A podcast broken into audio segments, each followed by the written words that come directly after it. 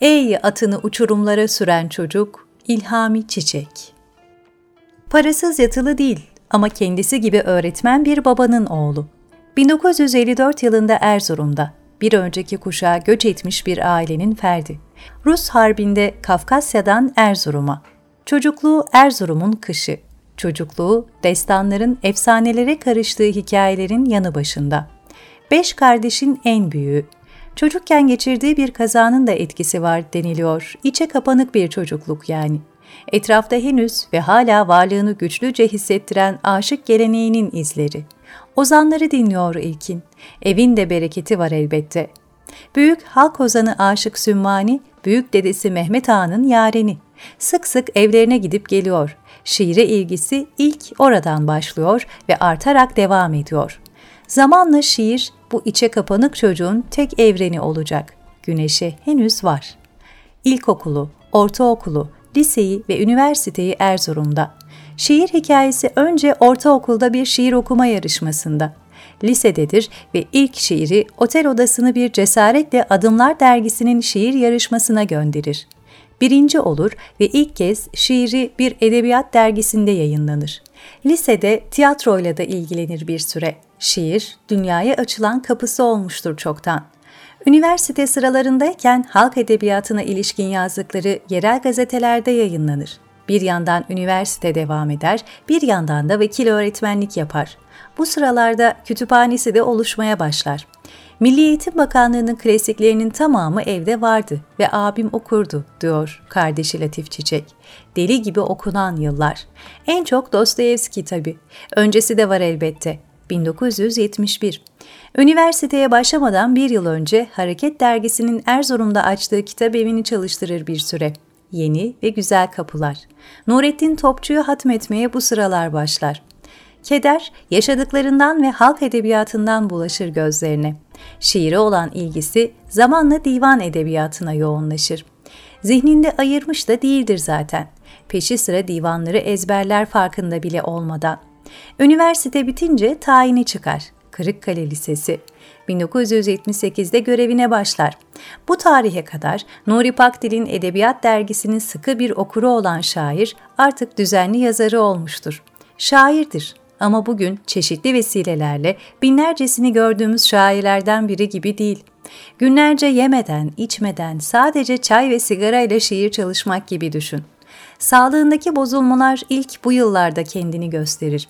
O günde, bugün de kıymeti hala fark edilmemiş olan satranç dersleri tam da bu sıra gelir. Büyük şiir. Sonra İstanbul'a tayini çıkar. Pendik Lisesi'nde görev alır bir dönem. Evlenir. Daha sonra beyninde baş gösteren hastalığı ilerler. 1983 yılının Mart ayında askerlik vazifesini yapmak için Tokat'a. Bu sıralarda ilk kitabı satranç dersleri matbaadadır. Askerlik hastalığını iyice artırır. Bir süre hastanede tedavi. İyileşmemiştir ama tekrar kışlanın tel duvarları. Askerliğin bitmesine çok kısa bir süre kala geçirdiği şiddetli bir kriz sonucu vefat eder. Haziran'ın 14'üdür. 1983'te. Henüz 29 yaşında. Vefat edip dünyadan çekildiğinden kısa bir süre önce ilk kitabı Satranç Dersleri basılmıştır bile.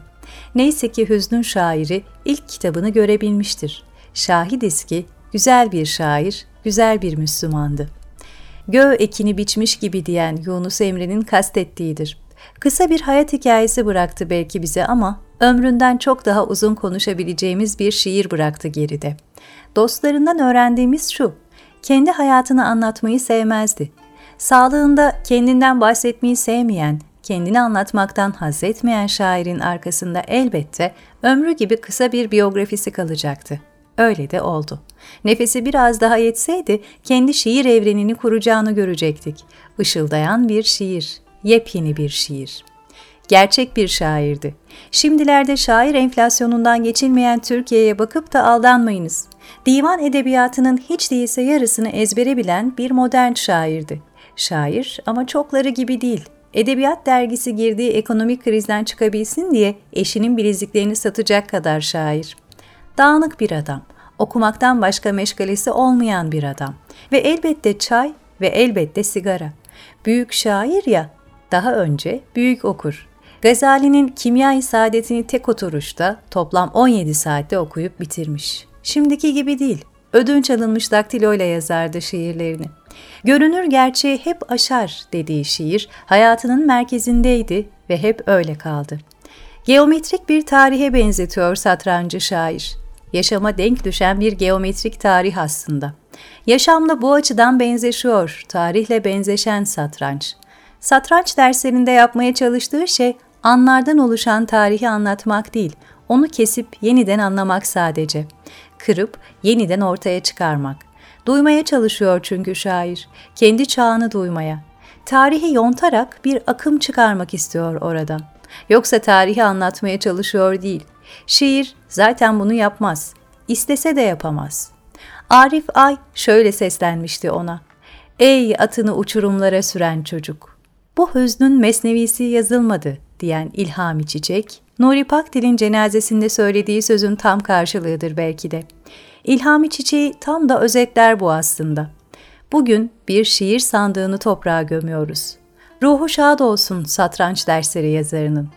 Çağımız korku çağıdır. Umutla dengelenmediği için erdeme yer yok bünyesinde.